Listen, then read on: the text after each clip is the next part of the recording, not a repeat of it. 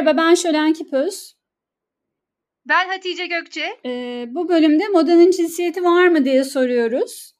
Kadınlık erkeklik rolleri, androjeni ve akışkan cinsiyet rolleri modayı nasıl biçimlendiriyor ya da giysiler bu rolleri ne şekilde inşa ediyor bunu konuşalım istiyoruz.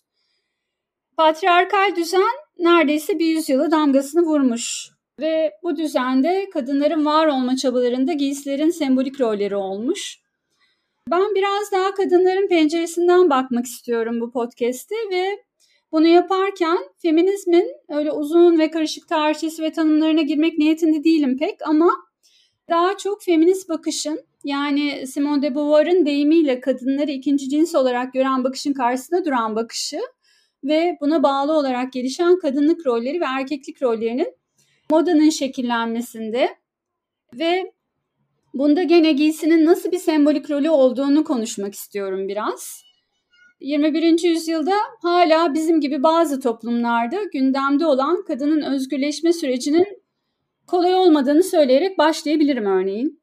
Kuşkusuz bunda toplumsal dalgalanmalar, sosyal politik değişimler, kültürel kodlar büyük rol oynadı. E, aslında Demez'in 2005'teki bir yazısında bir tanım var. Toplumsal cinsiyet tanımsal olarak kültüre sıkı sıkıya bağlıdır ve toplumun var olan kültürel davranışlarının, rollerinin, zihinsel ve duygusal özelliklerin kadın ve erkeğe benimsetilmesini kapsar diye çok aslında çok net bir şey var, tanım var. Evet. 20. Ee, yüzyılın moda tarihinin kökten değişimi de aslında toplumsal cinsiyet rollerinin yeniden tanımlanmasına sebep olmuş. Örneğin dünya savaşları, birinci, ikinci dünya savaşları ve bu savaşlar öncesinde başlayan bazı özgürleşme hareketleri savaş sonrasında kadınların rollerinin yeniden tanımlanmasıyla başarı kazanmış. Birleşik Krallık'ta başlayan suffragettes hareketine örneğin buna değinebiliriz bu noktada. Bu hareket toplumsal düzende kadınların erkeklerle eşit derecede söz sahibi olabilmesi için esasında bir avuç aktivist kadın tarafından başlatılmış. Yani çok küçük bir topluluk. E, ama etkisi tüm dünyaya sıçramış aynı anda. Yakın zamanda belki seyretmiş olanlar olabilir. 2015 tarihli bir film vardı Sarah Gavron imzalı Suffragettes adlı bir film. Bu filmde bu süreci çok etkileyici bir biçimde göstermişti. Çok etkilemişti bu film beni. Bu direnişe katılmak için kadınlar hapse düşüyorlar, ailelerinden oluyorlar. Üstelik o yıllarda Birleşik Krallık tekstil sanayinde çok aktif ve bu kadınların büyük bölümü de tekstil işçileri direnişe katılan. Fakat e, direnişin liderleri de gene ya da elçileri aslında çok e, son derece iyi eğitim görmüş varlıklı ailelerin kızları. Örneğin direnişin liderlerinden Emmeline Pankhurst gene filmin kahramanlarında bu kadınlar şaşırtıcı bir biçimde maskülen bir tarzı benimsemek yerine dönemin moda anlayışına uygun giyiniyorlar. O tarihte medya tarafından dikkat çekmek için de popülist bir görünümü benimsiyorlardı. Ancak sembolik olarak kullandıkları çapraz bir kuşak vardı. Bu kuşak ya sadakat, onur ve saflığı simgeleyen mor renkte olabiliyordu ya da umudu simgeleyen yeşil renkte oluyordu. Bazen de üç renkli çizgili şeritler giyiniyorlardı ve bunları son derece lüks mağazalardan satın alıyorlardı Selfridge gibi. Yani aslında son derece yani moda bir hareket oldu suffragettes bir taraftan. Yani neredeyse tarihin en etkili politik kadın hareketi. Gücünü artırmak için modayı da çok bilinçli kullandı diyebiliriz.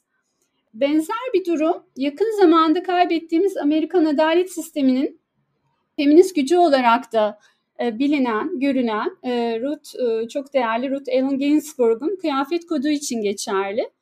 Kullandığı e, dantel yakaların geleneksel bir eril üniformayı e, dişilleştirme ifadesi olduğu, böylece e, verdiği tüm e, önemli kararların altını çizen bir güç sembolü olduğunu fark edebiliriz.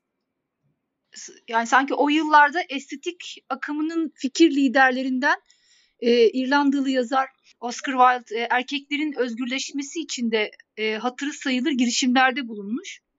E, kadınlar gibi erkekleri de korselerden kurtarmayı ve bedeni rahatlatan ve aynı zamanda düşünce gücünü de harekete geçiren kadife gibi e, rahatlık sağlayan kumaşlarla daha informal bir giyim tarzının e, öncülüğünü de yapmıştı.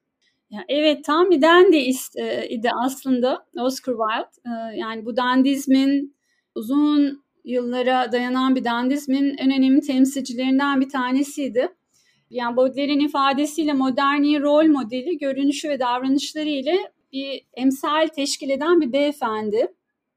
Bu dandiler neredeyse seçkinciliğe tutkun, mutluluğun izini sürmekten ve zarafetten başka bir işi olmayan kişiler, çok titiz ve özenli kişiler. Ee, Oscar Wilde da o dönemde, o yıllarda şey demiş, e, sadece sığ insanlar görünüşe önem vermez. Bu tabii çok seçkinci bir laf, elitist bir laf ama burada herhalde kendi seçimiyle kişinin inşa ettiği bir görsel kimlikten söz ediyor. O anlamda kıyafetlere gene sosyal, e, insanların sosyal konumlarını oluşturmak açısından çok önem veriyor. Örneğin Giysinin Uygunluğu adlı kaleme aldığı bir yazıda beyinleri ve entelektüel kapasiteleriyle yaşamlarını sürdüren kadın yazarların üretkenliklerine uygun biçimde giyindiklerini ifade etmiş. Yani bu kıyafetler de beyinleri özgürleştirici nitelikte kıyafetlermiş. Ve bunun için feminist yazar, yazar George Sand'ı örnek e, veriyor. Bu da çok enteresan bir karakter. Günlük hayatta dikkat çekmemek için erkek takım elbiseleriyle dolaşıyormuş ve gece gezmelerinde de e, görünümü diğer kadınlarla rekabet etmemek için yani görünümüyle diğer kadınlarla rekabet etmemek için sade bir ipek siyah elbise giyermiş. Böylece beynini ve kendisini özgürleştirdiğini düşünürmüş. E, Wilde aynı zamanda e, oldukça ses getiren oyunu olan Dorian Gray'in portresinde de bir suffragette karakterine yer vermişti. Tabii bütün bunlara rağmen yani bütün erkekler Oscar Wilde gibi düşünmüyor ve moda tarihinin gelişimi aslında kadının özgürleşme hareketi gibi görünüyor fakat uzun süre kadınları biçimlendiren hep erkekler olmuş. Aslında kadının tarihsel olarak domestik ve statik rolü bir taraftan onu ev içinde üretken kılmış ama modanın ana malzemesi olan tekstil materyali de çok iç içe bir üretkenlik bu bir taraftan. Fakat bu üretkenlik uzun zaman kadınların çalışma yasağından dolayı profesyonel ve ekonomik bir değer görememiş. Tasarım ve moda tarihi de erkek kahramanlarla dolu. Ee, çünkü ticari başarıyı sağlayan kadından çok erkek oluyor ya da markayı erkekler yaratmış uzun bir zaman. Sen ne düşünürsün bilmiyorum erkeklerin e, konumu konusunda ama. E, evet yani başlangıçta onların şekillendirdiği doğru buradan baktığımızda. Ama e, değişen erkeklerin ve erkekliğin e, yeni kavramlar üretilmesini sağladığı da bir gerçek. Yani bu üretilen kavramlar da medya aracılığıyla veya medya figürlerinin vasıtasıyla yaygınlaştı. E, bazı terimlerin ortaya çıkması e, erkeği ve erkekliğin dönüşümüne yani erkekliği dönüşüme uğratan toplumsal değişimleri birer işareti de aynı zamanda. Modernitenin de etkisiyle bu kavramlar her iki cinsi de sosyal anlamda etkiledi. Ya bu kavramlar nedir? İşte metroseksüel, überseksüel, retroseksüel gibi kavramlar. Bu sebeple erkeklerin hem kendi içlerinde e, hem de toplumsal anlamda bir evrim geçirdiklerini söyleyebiliriz. Yani aslında kısaca şey diyebiliriz. Eve ekmek getiren aile reisinin yok oluşu diyebiliriz özgürleşme hareketlerine kadar e, kadının daha statik ve tüketici bir rolü olduğunu hatırlayabiliriz. Yani eve tabii gene uzun süre erkek ekmek getirmiş, getirmek zorunda kalmış kadınların çalışma özgürlüğü olmadığı için. Öyle ki Amerikalı ekonomist Thorstein Veblen'in ortaya attığı gibi kadınlar başkaları adına yapılan bir tür gösterişçi tüketimin nesnesi olmuşlar. Veblen modernleşen kapitalist toplumda bir kişinin sosyoekonomik statüsünün en önemli göstergesi giysidir demişti. 20. yüzyılın başında Amerika'da oluşan yeni zenginleri tanımlamak için. Buna göre kadınların görünümleri bağlı oldukları babaları ya da evli oldukları erkeklerin zenginliğinin simgesi oluyordu. Tabii acı bir şey bu. Şu an böyle değil. O dönemde tabii ekonomik olarak bağımlı olan kadın evine de neredeyse kendi bedenine davrandığı gibi bakıyor e, evin imajı olabilmek için onu özenle süslüyormuş. Kuşkusuz tabii bu dekoratif görünümün içinde ahlaki unsurlar da oldukça etkili. Örneğin İngiltere'de Viktoryen dönemde ki çok tutucu bir dönem olarak bilinir zaten bu dönem. Mobilyaların etekleri ve kadınların eteklerinin uzunluğu özdeşleştiriliyor ve kadının namusunun göstergesi olarak görülüyormuş neredeyse. Buradan hareketle bazı kıyafetlerin ve giysi formlarının kadınları kısıtlayan veya özgürleştiren sembolik anlamları olduğunu hatırlayabiliriz. Örneğin korseler, krinonin etekler, topuklu ayakkabılar, mini etekler, pantolonlar. Yani bu uzun bir süreç ve korseden mini eteğe buradan pantolona devrimsel, neredeyse devrimsel bir süreç var moda tarihinde. Ee, bir de erkeklerin etek giymesi durumu var tabii. Değil mi? Yani o da enteresan. Kesinlikle. Yani şöyle aslında bir kitap var. Men in Skirts, Etekli Erkekler adında. Andrew Bolton'un kitabı. Tarihte etek giymiş tüm erkekleri e, harika bir sıralamayla bir araya getirmiş. Kitabın en vurucu şeylerinden bir tanesi başlangıçta, girişte. E, ilk cümlesi kutsal kitaptan bir alıntıyla başlıyor. Kadın erkeğe dair bir şey giymez. Erkek de bir kadının bir şeysini giymez. Çünkü bunları kim yaparsa tanrısı tarafından lanetlenmiştir diyor. Kitapta Mısır'dan başlayıp günümüze kadar erkek yani etek giyen erkekleri bir araya getiriyor. E, 2000 başına kadar geliyor ve hangi modacılar erkeğe etek giydirmiş, elbise giydirmiş, hangi ünlü isimler etek giyerek bu değişime katkı sağlamış hepsi var kitapta. Ama sanırım kadınların pantolon giymesi erkeklere göre daha zor oldu. Değil mi Jölen? Yani evet kadının da tabii yani pantolon giyebilmesi yani şu an bizim için olağan bir giysi ama hiç kolay olmamış tarihte. Örneğin 20. yüzyılın başında bir kadın pantolon giyiyor diye yer yerinden oynuyor Amerikan toplumunda. Bir de Amerikan toplumu daha tutucu biliyorsun Avrupa toplumuna göre. Bu kadın erken dönem safracetlerden kadın hakları savunucusu, sosyal ve politik bir aktivist olan Amelia Bloomer diye bir kadın. Başlatmak istediği bir sosyal reform var aslında ve bu kıyafet de onun bir sembolü. Ee, ve bu reform için giysilerden yararlanıyor ve Bloomers adı verilen pantolonlardan yararlanıyor ki bu pantolonlara Türk pantolonları da deniyormuş o zaman. Ve tabii aslında kıyafetin görünümüne baktığımızda şalvar, pantolon ve tünikten oluşan reformist olmasına rağmen bu kıyafet gayet oryantalist bir görünüme sahip ve Osmanlı harem giysilerine çok benziyor. Çünkü daha rahat doğulu kadın o dönemde. Muhtemelen o rahatlığı ödünç almak istemiş. Yani pantolon ondan sonra kabul edildikten sonra e, savaş sonrasında spor bir giysi olarak kullanılmaya başlanmış kadınlar tarafından. 40'lı yıllarda da daha güçlü kadın imajı yaratmak için küçük bir kesim tarafından kullanılmış. Fakat yani pantolonun moda kütüphanesine girmesi ya da kadın gardırobuna gerçek anlamda girmesi Yves Saint Laurent'in 1966 yılında Le Smoking adlı koleksiyonuyla gerçekleşmiş. O andan sonra ise bu da çok bana gerçekten ironik gelir. E, moda tarihçilerine göre etek boyunun hiçbir önemi kalmamış. 1968 Mayıs olaylarının etkisi e, kültürel, toplumsal ve ekonomik alanlarda yoğun olarak hissediliyor. Toplumda geleneksel kuralların reddedilmesi ve otoritenin sorgulanmasına yol açan özerklik, kişisel gelişim, yaratıcılık ve bireye önem verilmesi gibi yeni değerler ortaya e, çıkmış e, bu tarihlerde. Özellikle 1970 ve 75 yıllarında ahlaki kurallar tartışmaya açılıyor ve bu bağlamda da cinsel özgürlük ve feminizm gelişiyor. Evet, 60'lı yıllardaki ikinci dalga feminizm hareketi özellikle aktivist yazar Betty Friedan'ın da kadınların domestik rolleri hapsedilemeyeceğine yönelik görüşleriyle ve doğum kontrol haklarıyla başka bir boyut e, kazanıyor. 70'li yıllarda büyüyen hippie, punk ve glam gibi alt kültürlerle büyüyen gençlik hareketi daha androjen, daha cinsiyetsiz bir görünüm öneriyor. Gençlerin üniforması blue jean, özgürlüğün sembolü olmuş ta ki 80'lerde designer jeanlerle seks sembolü olana kadar.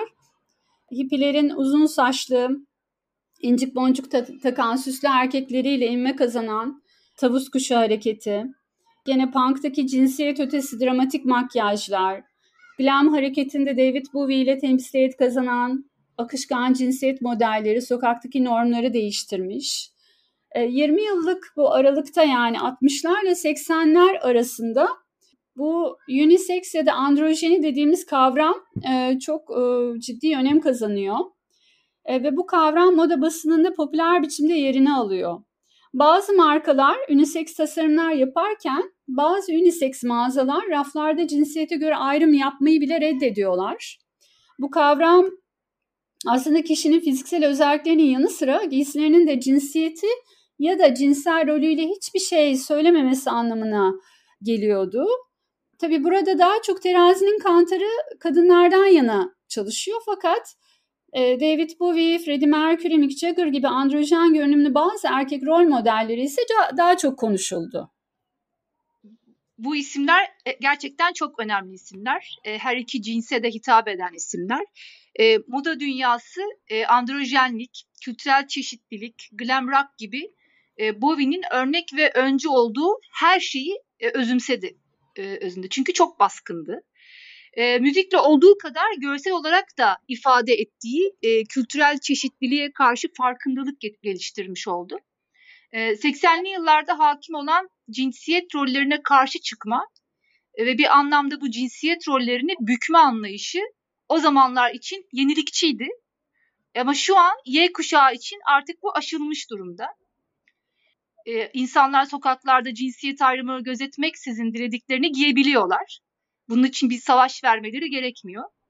Cinsel kimliğin kıyafetler aracılığıyla belirlenmesine karşı çıkışı yani 21. yüzyılda artık su götürmez bir şekilde kendi e, halini buluyor. Bu onun moda dünyasını bıraktığı bir miras. Işıltılı kıyafetler, bu feminen erkek görüntüsü, cinsiyet ayırt etmeyen cinsellik algısı, e, hem kadınların hem erkeklerin arzu nesnesine dönüşme, Bunlar zamanın özgürleşme ruhunu ve e, 70'leri özetleyen ifadeler, kavramlar aslında. E, ve çoğunu da e, pop literatürüne sokan David Bowie rol model oldu e, demeliyiz onun için. E, müzik dünyasında e, yoğun cinsel öğeleri ilk kez kullanan isim oldu. 1970'li yılların başında bu abartılı giysiler, teatral şovlar ve cinsiyetsiz bir kişilik yarattığı Ziggy Stardust müzik dünyasındaki ilk bireysel alter egodur aslında. Bu glam rock sahne kostümleri hep büyüleyici oldu. E, çok enteresan bir kişilik e, ve gerçek adı da aslında David Jones ve bu ve 1970 yılında üçüncü albümü Dünyayı Satan Adamı çıkartıyor. Bu albüm kapağında dalgalı uzun saçlarıyla uzun bir kadife elbise giyinmiş biçimde dolgu topuklu süet botlarıyla bir sofaya uzanmış bir fotoğrafı yer alıyor bu kapaktan sonra o kadar etkili oluyor ki bu görüntü. İsrarla giyinmeye devam ettiği bu Mick Jagger'ın da terzisi olan Mr. Fish tarafından dikilen bu elbise sayesinde erkeklerin giysi kütüphanesine de elbise giriyor. Bazı moda tarihçileri aslında androjen görünümün Elvis Presley tarafından başlatıldığını söylüyorlar ama David Bowie senin bahsettiğin e, nedenlerden de dolayı yani bu karakterlerle bu kalemon gibi sürekli değişerek Ziggy Stardust, Alaaddin Sane gibi karakterlerle uyguladığı belirgin makyajları, göz kalemi, e, sürekli değişen saçları, kostümleri aynı zamanda kişisel anlatımının bir parçası olan müziğiyle moda personasını hepten e, dönüştürüyor gerçekten. E, hatta moda dünyasına çok ciddi etkisi olduğunu da görebiliyoruz ana akım modaya. Özellikle 80'lerde Vivienne Westwood ve Jean-Paul Gaultier gibi tasarımcıların da basma kalıp erkeklik görünümünü yıkan koleksiyonlar sunmalarına sebep oluyor. Erkekler için ilk eteği yapan e, yani geleneksel disko eteklerini saymazsak tabii e, tasarımcı da Gaultier olmuştu zaten. Ben üniversitedeyken e, bir Avrupa'ya yaptığımız bir gezi sırasında Paris'te e, okul gezisi e, de Pompidou Sanat Merkezi'nden önünden geçerken iki erkek görmüştüm. Yani 80'li yılların sonu zannediyorum. Yaşım da ortaya çıkıyor tabii ama yan yana yürüyen iki erkek birinde yürüdükçe etekleri açılıp altındaki gizli pantolonu açığa çıkaran uzun bir etek vardı. Diğerinde ise bir bacağı kocaman bir kroşe gül ile bezenmiş örme bir tayt vardı. Hayatımda gördüğüm en ilginç iki erkekti gerçekten bu kişiler ve hem çok şaşırmış hem de çok etkilenmiştim hani gördüğüm sokak defilesi değil bas bayağı götürden giyinen erkeklerdi. Yani bu sokak kültürü ve müzik ilişkisi tabii çok kuvvetli ve Türkiye'de de esasında o yıllarda gene farklı rol modellerinin yaratıldığını söyleyebiliriz değil mi? E, Hatice ne dersin? Kesinlikle yani Türkiye'de de çok e, inanılmaz isimler var hepimizin bildiği. 1967 yılında Barış Manço kol düğmelerini söylemeye başlamış. İlk o zaman söylemiş ve 1970 yılında Anadolu'dan beslenen pop folk tarzında müzik yapmaya başladı. Bu kendine has giyim tarzıyla bütünleşen kıyafetleri, işte kovboy çizmeleri, komik desenli kravatları, yüzükleri, kolyeleri bizim yani bildiğimiz, gördüğümüzdü ama beni çok e, yani öğrendiğimde çok şaşırtan şey geçirdiği bir trafik kazasında dudağında oluşan yarık izini kapatmak için bıyık bırakıyor ve bıyığını tamamlamak için de dönemin uzun saç modasına ayak uydurup e, saçlarını uzatıyor. Böylece e, tarzını tamamlamış oluyor aslında. Yani o kazada geçirdiği o işte yara iziyle bir şekilde sağladığı bir görünüme de kavuşmuş oluyor. Tarzı tamamlanıyor ve Anadolu tarzını Amerikan tarzıyla harmanlamış e, Barış Manço. Bunu kıyafetlerine işlediği detaylarla göstermiş e, aslında. Zeki Müren ile Barış Manço giyim konusunda yarışıyorlar o dönemde. E, hem Anadolu temalarını hem de Doğu motiflerine yakınlığı ile bilinen bu iki isim de e, aynı zamanda Barış Manço tabii yavaş yavaş yükselmekte olan psikodelik müzik akımından da etkilenerek hem tarzını oturtuyor o tarihlerde e, hem de aksesuarlarıyla e, bambaşka bir görünüm veriyor. Ama ilginç olan e, Amerikalı editör Kara Dimo e, Zeki Müren hakkında bir yazı hazırlamış. Orada diyor ki e, Prince ve David Bowie henüz tanınmıyorken Zeki Müren'in tarzı ile var olduğunu belirtiyor. Müren e, sadece müziğiyle değil Zeki Müren e, kendi tasarlayıp giydiği kıyafetleri ve tarzıyla da gerçek bir ikon. Yani sadece ülkemiz için değil dünyada da öyle bir isim. Kendi tasarladığı giysilerdeki o gösteriş, işte tüylü pelerinler, parlak takımlar, mini etekler, e, platform topuklu ayakkabıları, yaşadığı dönemin çok ilerisinde bir görünüme sahip olmasını sağlıyor. Ve e, asıl önemlisi de cinsiyetlerden bağımsız bir moda anlayışına sahip olması öyle bir tarihte. Ve hala da kitleleri etkilemekte. Hem dediğim gibi Türkiye kendi ülkemizde hem de dünyada da e, dünyanın da esinlendiğini görebiliyoruz. İlginç olan tasarladığı ve diktirdiği e, kıyafetlere verdiği isimler var. E, onlar çok e, nefis. E, her bir tasarım e, birer koleksiyon gibi düşünmüş ve e, Mor Geceler, işte Uzak Diyarlardan Gelen Prens, Doktor Jivago'nun Aşkı, Zirvede Açan Lale gibi isimler koymuş her bir tasarımına. Ve e, yine çok ilginç bir not da var ki e, Maxim Gazinosu'nun bir afişinde e, sahnede giyeceği giysileri afişe yerleştiriyor ve sadece şarkılarıyla değil görünümüyle de bir liste oluşturuyor. Yepyeni özel kostümler diye bir başlıkla duyuruyor ve sıralıyor. İşte tez, iki gökyüzü, üç bir yudum bordo, dört mor gölgeler, beş zümrüt murat getirir, altı mercan adacıkları, yedi pembe pelerinli prens ve e, bütün bu giysileri e, giydiği bir dekor tabii dekorun e, önünde e, şarkı söylerken de o dekora da bir isim vermiş. O da Kaf Dağı'ndaki saray. Çok inanılmaz bir miras gerçekten. Ee, yani bu özgürlük hamleleri ve eğlenceli oyunlar hep cinsiyet rollerinin dönüşümüyle ilgili. Hem çok etkili hem bazen hakikaten farklı eleştirel boyutlara da ne, neden olabiliyor. Yani bütün bu hamlelere karşın tabii yani feminist eleştiriler hep gündemde. Kadınların konumuyla ilgili, örneğin oyuncaklarla ilgili. Kadınlar hep dönemin modasının ve güzellik anlayışının pazarlama nesnesi oluyorlar. Aslında kadınlık ve erkeklik rolleri e, küçük yaşlardan beri öğretiliyor neredeyse yani esasen biyolojik e, ve toplumsal yönü arasındaki fark da bu cinsiyetin. E, kız çocuklarına ve erkek çocuklarına atfedilen renkler, oynadıkları oyuncaklar bu cinsiyet rollerinin inşasında oldukça etkili oluyor. Örneğin Barbie bebek e, oldukça e, etkili bir oyuncak. Çok seviliyor fakat aynı oranda da e, feminist eleştirilere neden oluyor. 1950 yılların Anglo-Amerikan estetiğine göre yaratılan Barbie aslında kızını oynarken gözlemleyen Ruth Handler adlı bir girişimci anne tarafından tasarlanıyor. Ve esasen kağıt bebeğin üç boyutlusu gibi düşünüyor e, Handler onu.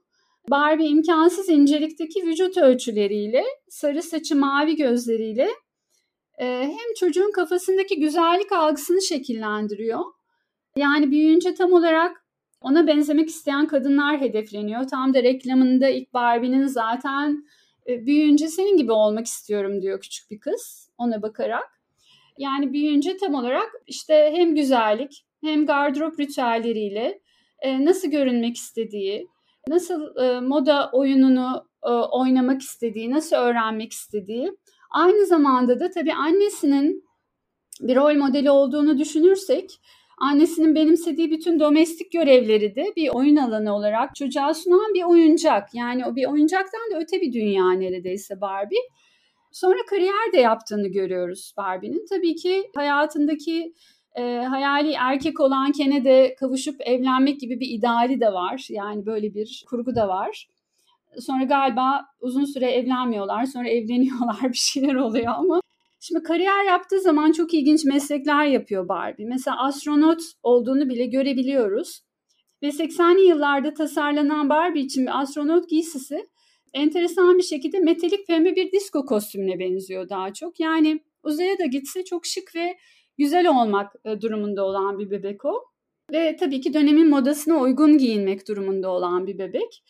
Tüm bu kadınlık rolleri e, paradigmatik, neredeyse paradigmatik bir oyun biçimiyle ve bebekte toplanıyor ve e, hem onu kazanan bir oyuncak yapıyor ve hem de e, kadınların beden projesinin inşasında etkili bir araç haline getiriyor. Erkekliğin oluşumunda da belki böyle araçlar vardır. Bilemiyorum ne dersin? Tabii elbette yani aslında erkekliğin 90'lardan itibaren büyük bir değişime uğradığı e, ve erkekliğe dair kodların değiştiği, e, erkeklikle ilgili yeni kavramların ve yeni erkekliklerin ortaya çıktığının görüldüğünü söylüyor Marian Sazman. E, 2006'daki kitap yazdıkları kitapta. E, George Simmel ise modayı farklılaşma ile değişimin çekiciliğini benzerlik ile uyumun çekiciliğiyle birleştiren çoğunlukla toplumsal farklılıkları ifade etmek üzere sınıflarda kendini gösteren bir toplumsal form olarak görür diyor. E, bu bakımdan dönüşümün farklılaşma ile birlikte en kolay gözlenebildiği, e, etkilerinin gözlenebildiği yer giyim oluyor. E, bu nedenle aslında giyim erkekliğin dönüşümünde incelenmesi gereken en önemli alanlardan biri. Burada ilginç bir detay var. Kültür ve ekonominin yarattığı etkinin yanı sıra aslında erilliğin yapılandırılmasında kitle iletişim araçları da bir güç haline geldi.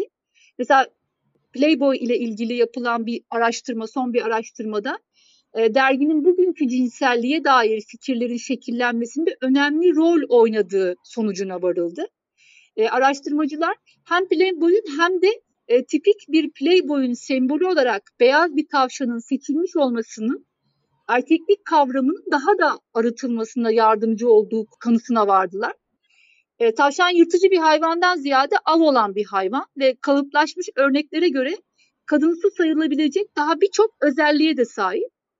E, araştırmaya göre araştırmaya göre Playboy'un yazı işleri yönetimi toplumsal cinsiyet kalıplarını somutlaştırmak yerine geleneksel erkeklik tanımlarına ters düşen alternatif bir kavramsallaştırma geliştirmişler. Yani demek oluyor ki medya neyin eril olacağı konusundaki bu popüler fikirleri yanıtlamakla kalmıyor. Aynı zamanda onların yaratılmasına da ön ayak oluyor. E, günümüzde e, Playboy'un genel yayın yönetmeni bir eşcinsel ve 2017 yılında e, trans bir modele yer verdi. Bu da aslında radikal bir değişim sürecinin içinde olduğumuzu da e, çok net bir şekilde gösteriyor. Evet yani medya e, o rolleri, o toplumsal cinsiyet rollerini e, inşa etme konusunda oldukça etkili gerçekten. Bugünlerde sosyal medya çok etkili tabii. Bu etki örneğin uzun zaman kadın dergilerinde e, sunulan güzellik ve moda ritüelleri üzerinden okunabilir. Barbie'ye geri dönersek yani sadece bir oyuncak olmayan Barbie'ye geri dönersek genç kadınlara e, toplumda başarılı olmak için ve sevilmek için güzel ve çekici olmanız gerekiyor ama bunu olduğunuz gibi kalarak yapamazsınız diyor. Öğrenmeniz ve uzmanlaşmanız gereken bir güzellik ve moda dünyası var ki bu dünya her koşulda size tüketmenizi öneriyor.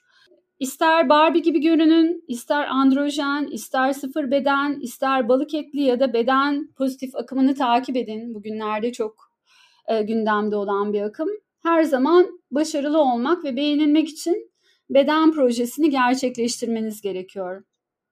Hani kadın bedeninin e, medya, moda, güzellik endüstrisi gibi modern toplumun disiplini olmuş pek çok yapısı tarafından kontrol edildiğini görüyoruz ve bu anlayışı biyopolitika kavramı üzerinden değerlendirebiliriz aslında. Felsefe ve cinsiyet çalışmaları profesörü Sandra Lee Barthin'in de belirttiği gibi e, biraz post yapısalcı filozof Michel Foucault'un özellikle biyopolitika kavramına gönderme yapıyor. E, bu kavram Foucault'un disiplin ve ceza eserinde ortaya attığı bir kavram ve geleneksel hükümran toplumların bireyler üzerindeki ölme ya da yaşama kararı gücünün yerini aslında modern liberal demokrasilerde biyo güç ya da biyo iktidar denilen yeni bir mekanizmaya bırakmasını tarif ediyor. Ve bu çerçevede e, modern toplum bireyler üzerindeki kontrol mekanizmalarını hükmeden, hükmedici tarafından değil, kurumları, enstitüleri aracılığıyla yapıyor ki buna ilk örnek verdiği şey de hapishaneler, okullar, hastaneler gibi mekanlar ve medya da bunlardan aslında bir tanesi. E, bu da bireylerin kendi kontrol mekanizmalarını düzene göre geliştirmelerini sağlar. Artık modern toplumda kimse bize e, ne yapmamız gerektiğini söylemiyor. Biz zaten e, onu yapmamız gerektiğini kendimize disipline ederek öğretiyoruz. Ve bu çerçeve tabii moda ve güzellik endüstrisi tarafından da geçerli. Bütün reklam dünyası tarafından e, önerilen bir çerçevede olabiliyor. E, kadına ya da erkeğe farklı cinsiyet rollerine. Bu endüstri tarafından desteklenen e, bir beden projesi yaratıyor ve e, esasında kadınların disipline biçimde spor yapmaları, makyaj, saç bakımları, yani günlük bakım ritüellerinden estetik e, yaptırmalarına kadar, yeni moda kıyafetlere, kozmetik ürünlere tonla para harcamalarına kadar bu disiplinin bir parçasını uygulamış oluyorlar ve bunun sonucunda da tabii e, yani e, kazançları ya da toplumdaki statüleri yükselmiyor ama yani bir şekilde istatistik olarak da e, görünümü daha iyi olan kadınların iş bulma kapasitesinin daha fazla olduğunu görebiliyoruz e, enteresan bir biçimde. Yani bu, bu tür modern toplumun disiplinlerinin ve yaptırımlarının dışında tabii e, bir de ahlaki normlar var ya da işte inanç sistemleri var ya da tabular var. Yani bize toplumsal cinsiyet rolleri açısından nasıl davranmamız, nasıl giyinmemiz, nasıl hareket etmemiz gerektiğini söyleyen.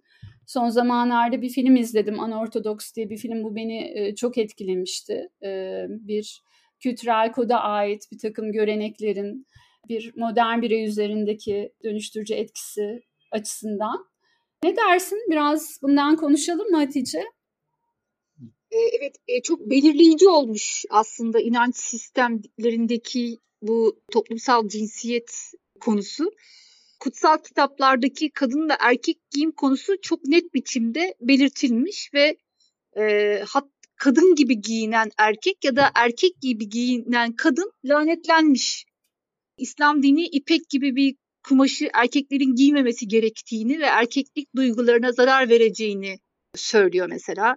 İşte altın takmaması, altın madenini üzerinde taşımaması gerektiğini söylüyor. Ama bütün bunların dışında bir Kur'an'da bir erkek tanımı var ki İslam dünyası bu konuda kendi arasında da uzlaşamamış görünüyor. Gılman konusu. Sözlük anlamı çocuk, bıyığı yeni terlemiş genç, hizmetçi anlamındaki gulam kelimesinin çoğulu olan gılman. Kur'an literatüründe cennet ehlinin emrine verilen ve hiçbir zaman yaşlanmayan gençler manasına geliyor. Kur'an'da sadece bir yerde geçiyor. Tur suresinde. Orada bir bilgi var ve o yüzden çok sınırlı bir bilgi.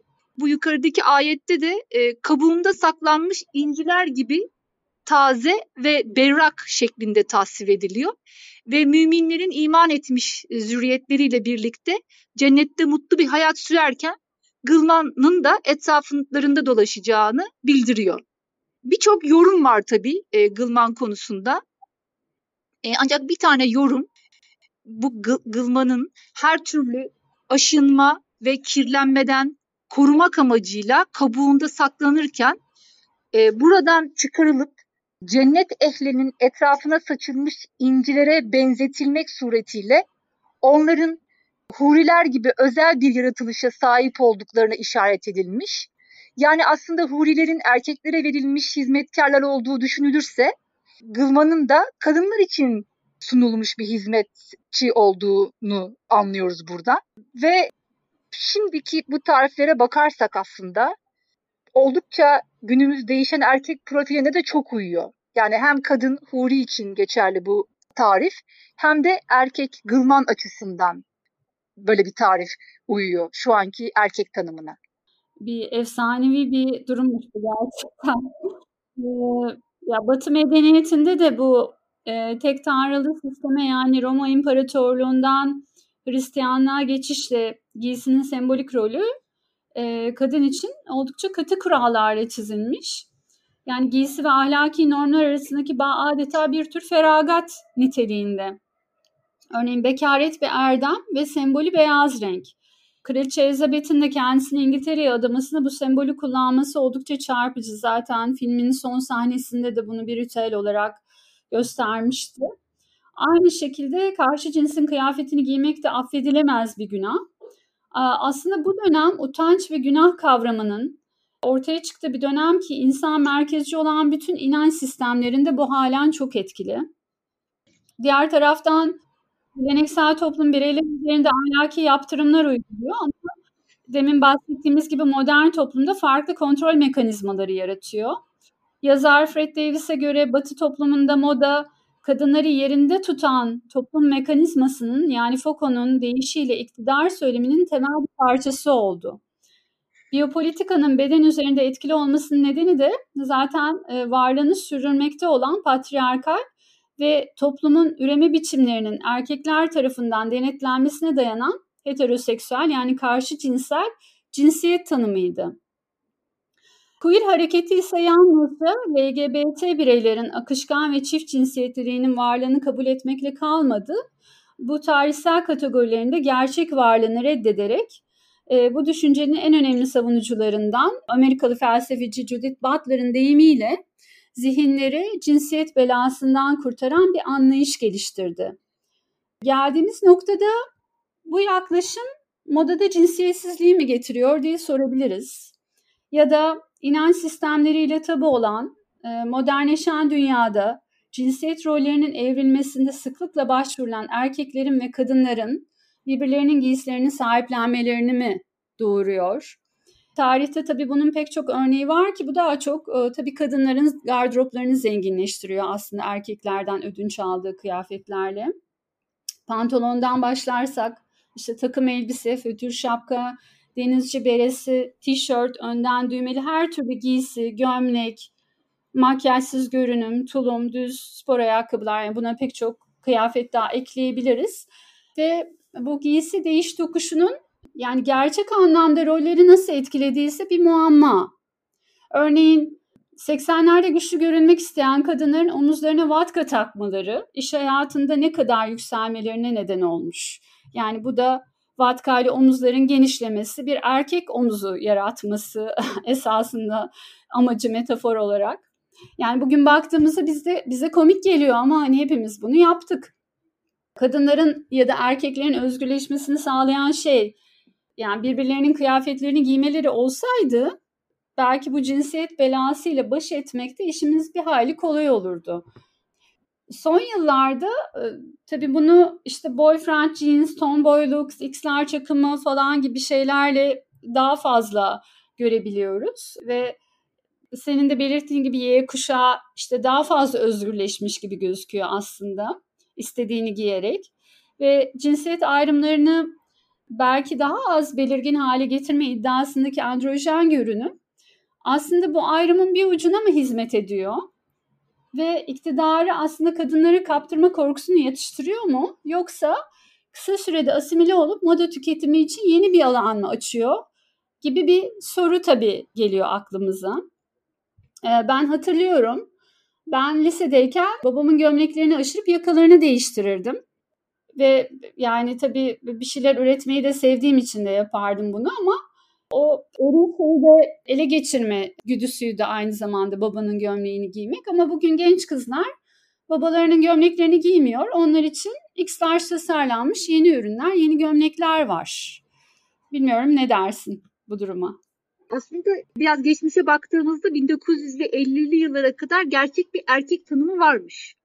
E, ancak bu durum erkeklerin kadınlarla ilişkilendirilerek tanımlanmaya başlamasıyla bulanıklaşmış. Modern erkekler benzemek isteyeceği eril örnekle yaratmada e, görünüyor ki öyle görünüyor ki aslında iyi iş çıkaramamışlar. Yani belki de bu örneği e, kadınlar yaratmalılar. Yani nasıl onlar e, moda tasarımcısı olsun ya da işte e, diğer farklı disiplinlerden e, kadını biçimlendiren, ona hep yeni olanaklar sunan erkekler olmuşsa belki erkeğin bu, bu konuda yeniden tanımlanmasında e, kadınlar görev almalı belki de. Yani bu örneği onlar yaratmalı. Pazarlama sektöründe hala erkekleri birer kurban gibi görebiliyoruz. Yani ya onların cinselliğinin ya şehvetinin ya da sırf yeteneksizliğinin e, kurbanı olarak erkek olarak görüyoruz onları. E, çok nadiren rastladığımız şey ise daha dengeli erkekler. Çok zor yani çok zor karşılaşıyoruz. Vicdan sahibi, e, dünya halinden anlayan erkek ve bunlar gibi olumlu erkek portrelerini biz e, çok az görüyoruz. Şimdi desen ki örnek ver, inan e, veremem şu an örnek. Yani doğru bir örnek veremem. Doğal olarak da bu tanımlardaki erkeklerin giyeceği her şey farklı. E, bu da büyük bir çeşitlilik yaratıyor. Bu olumsuz bir şey değil. Yani ne kadar çok çeşitlilik olursa bu içeride e, bu bütün bu e, alana karşılık gelen bütün erkek profilleri her biri kendi tarzını yaratmış olacak. Ve aslında daha geniş bir yerden bakan da e, en özgün görünümü e, yakalamış olacak.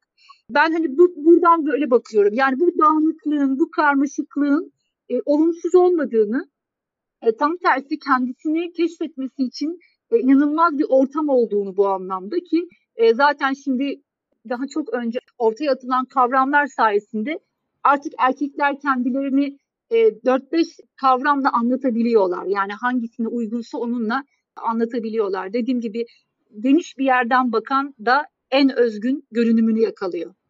Evet, e, yani bugün belki de düşünmemiz gereken cinsiyet ötesi bir kıyafet biçimi. Hem kadınlar belki de erkekler için. Burada gene tek bir tasarımcı yanmadan geçemeyeceğim. Geçen bölümde de Comme des Garçons markasından bahsetmiştim. Bu yapı sökümcü hareketin cinsiyet normlarına yönelik kırılmasının örneği olarak ve bu markanın yaratıcısı Rei Kawaku ve partneri Yoshi Yamamoto'nun yarattığı Japon moda devriminin bir parçasıydı bu hamlede. Ama özellikle Yamamoto'nun yaratıcı dehasında biçimlenen yeni kadın görünümü e, sadece cinsiyetsiz değil aynı zamanda kültürel kodlardan ve renklerden arınmış, zamansız, bedensiz, özgürleştirici, e, yeni bir yaşama mekanı sunuyordu giysiyle tüm kadınlara. E, hatta e, Yamamoto belki de ilk moda belgesellerinden birisi olan Wim Wenders'in kendi tasarım sürecini anlatmak için çektiği Notebooks on Cities and Clothes filminde erkeklerin dünyasında kadınlara bir yardım eli uzattım diyordu bunu ifade etmek için. Kadınların bedenleriyle değil ruhları ve kimlikleriyle var olması için kıyafet tasarlayan e, bu asil tasarımcının erkeklerin dünyasına da aynı duyarlılıkta yaklaştığını söyleyebiliriz aslında. E, tabii bu toplumsal cinsiyet rollerinde meydana gelen değişimler ergenlik çağındaki erkeklerin kafalarının karışmasına da yol açtı. E, bugün olumlu erkek rol modellerinde e, ciddi bir e, kıtlık var, e, bir e, zorluk var ve bu krize baktığımızda acaba bunun bir yok olmadan çok bir değişimle mi alakası var diye e, merak etmiyor değiliz. Yani geçen yüzyılın son yarısında gerçekleşen bu toplumsal ve ekonomik değişimler e, erkeklerin nasıl davranması gerektiğine dair e, birbiriyle çelişen e, beklentilere de yol açtı. Toplum erkeklerin hem güçlü, hem hassas, hem cesur, hem de şefkatli olmasını istiyor. e, rol modelleri olmadığı için erkeklerin de e, başı belada gibi e, ya da bir sorunda yani tek sorun e, bizim belki de yeni beklentilerimize uygun yaşamıyor olmaları da olabilir. E, son yıllarda erkekliğin kurallarında bir takım e, dönüşümler meydana geldi ve asıl sorun da belki de bu. Yani şefkatte erkek rolü üstlenen erkek sayısının az olmasından çok e, bu rolün nasıl olması gerektiğine dair bir anlayış olmamasından kaynaklanıyor. Öyle görünüyor. Tabii bu kitle iletişim araçları e, kültürü inşa ederken çok büyük bir rol oynuyor ve genellikle de e, toplumun veya ailenin sunabileceğinden çok daha güçlü rol modelleri sunuyor. E, ama şunu geçmek istemiyorum. Çok yakın tarihte yeni bir dizi başladı televizyonda. Masumlar Apartmanı. Bu dizide Birkan Sokullu başrolde erkek oyuncu. Bana kalırsa ilk şefkatli erkek profilini gördüğüm dizi e, benim hani baktığımda.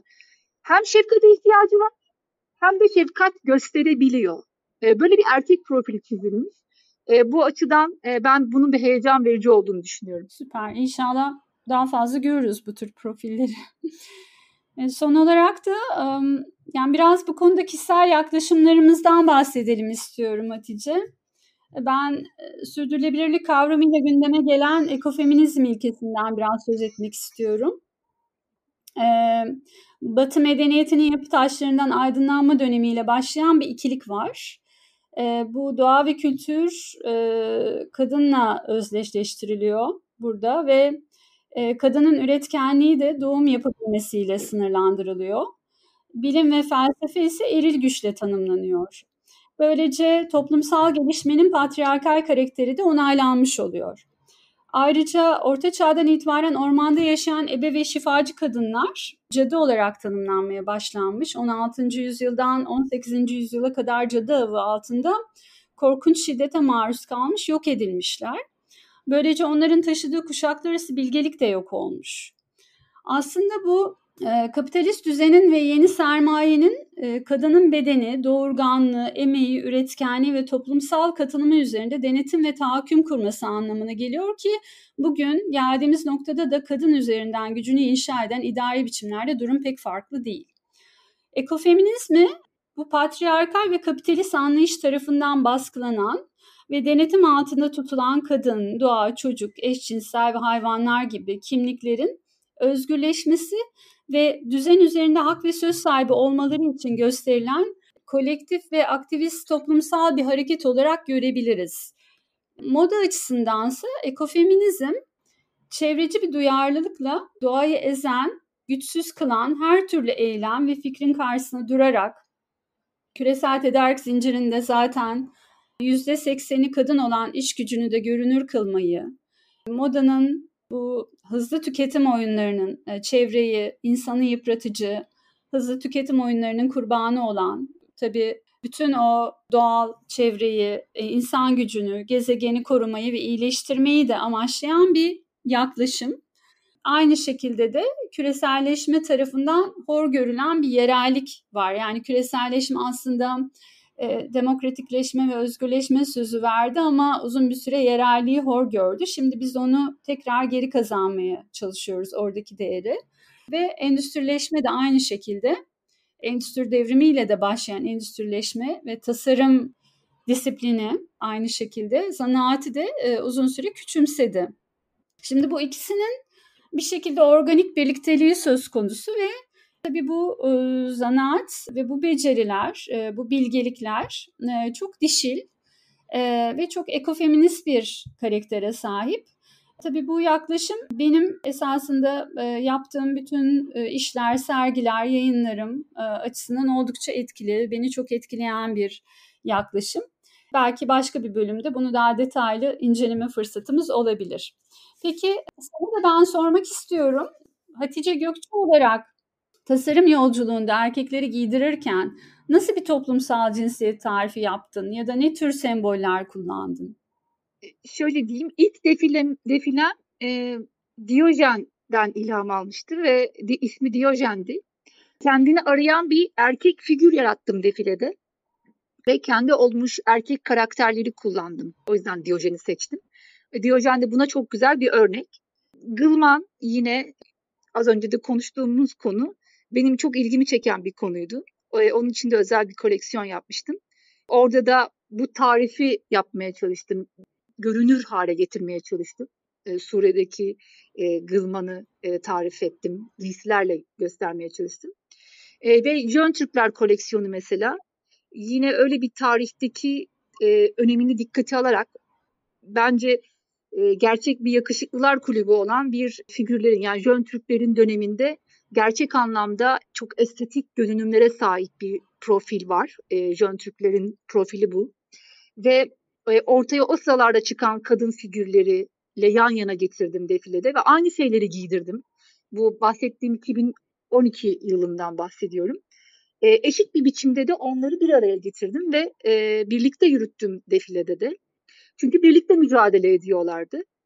Kadın yazarların en önemli eserlerinin verildiği dönemler. O yüzden o anlamda çok kıymetliydi. Bir de bir body koleksiyonum vardı. Aslında bu mesleğe yani modaya ilk adımımı attığım koleksiyonum diyebilirim. Erkeklerin utanma duygularının ortaya çıktığı ve tepki verdikleri bir koleksiyon oldu. Amacım da buydu. Tepki vermelerini sağlamaktı.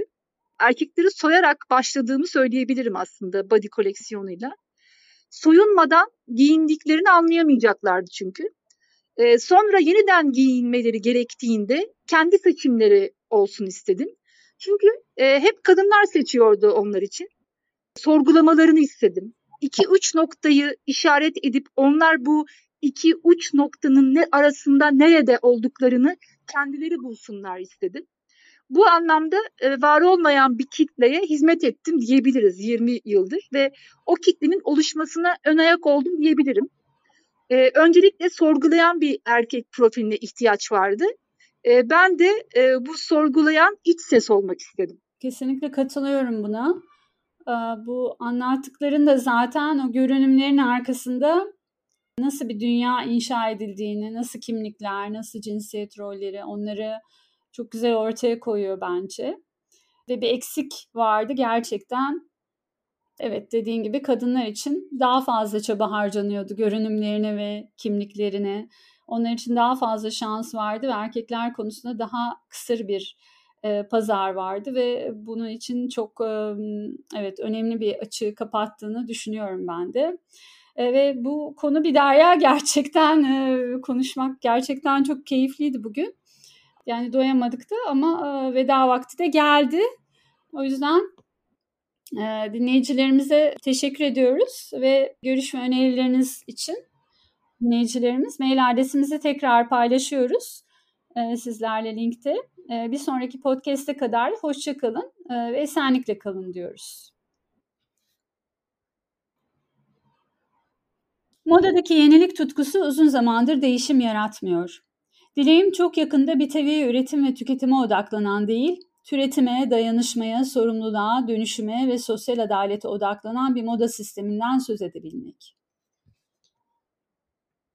Tasarım anlayışını kışkırtıcı tutan moda endüstrisinin gelip geçici sistemi içerisinde direnç göstermek, sistem dışında kendine özgü bir dil ve dünya inşa etmek güdüsüyle hareket etmektir.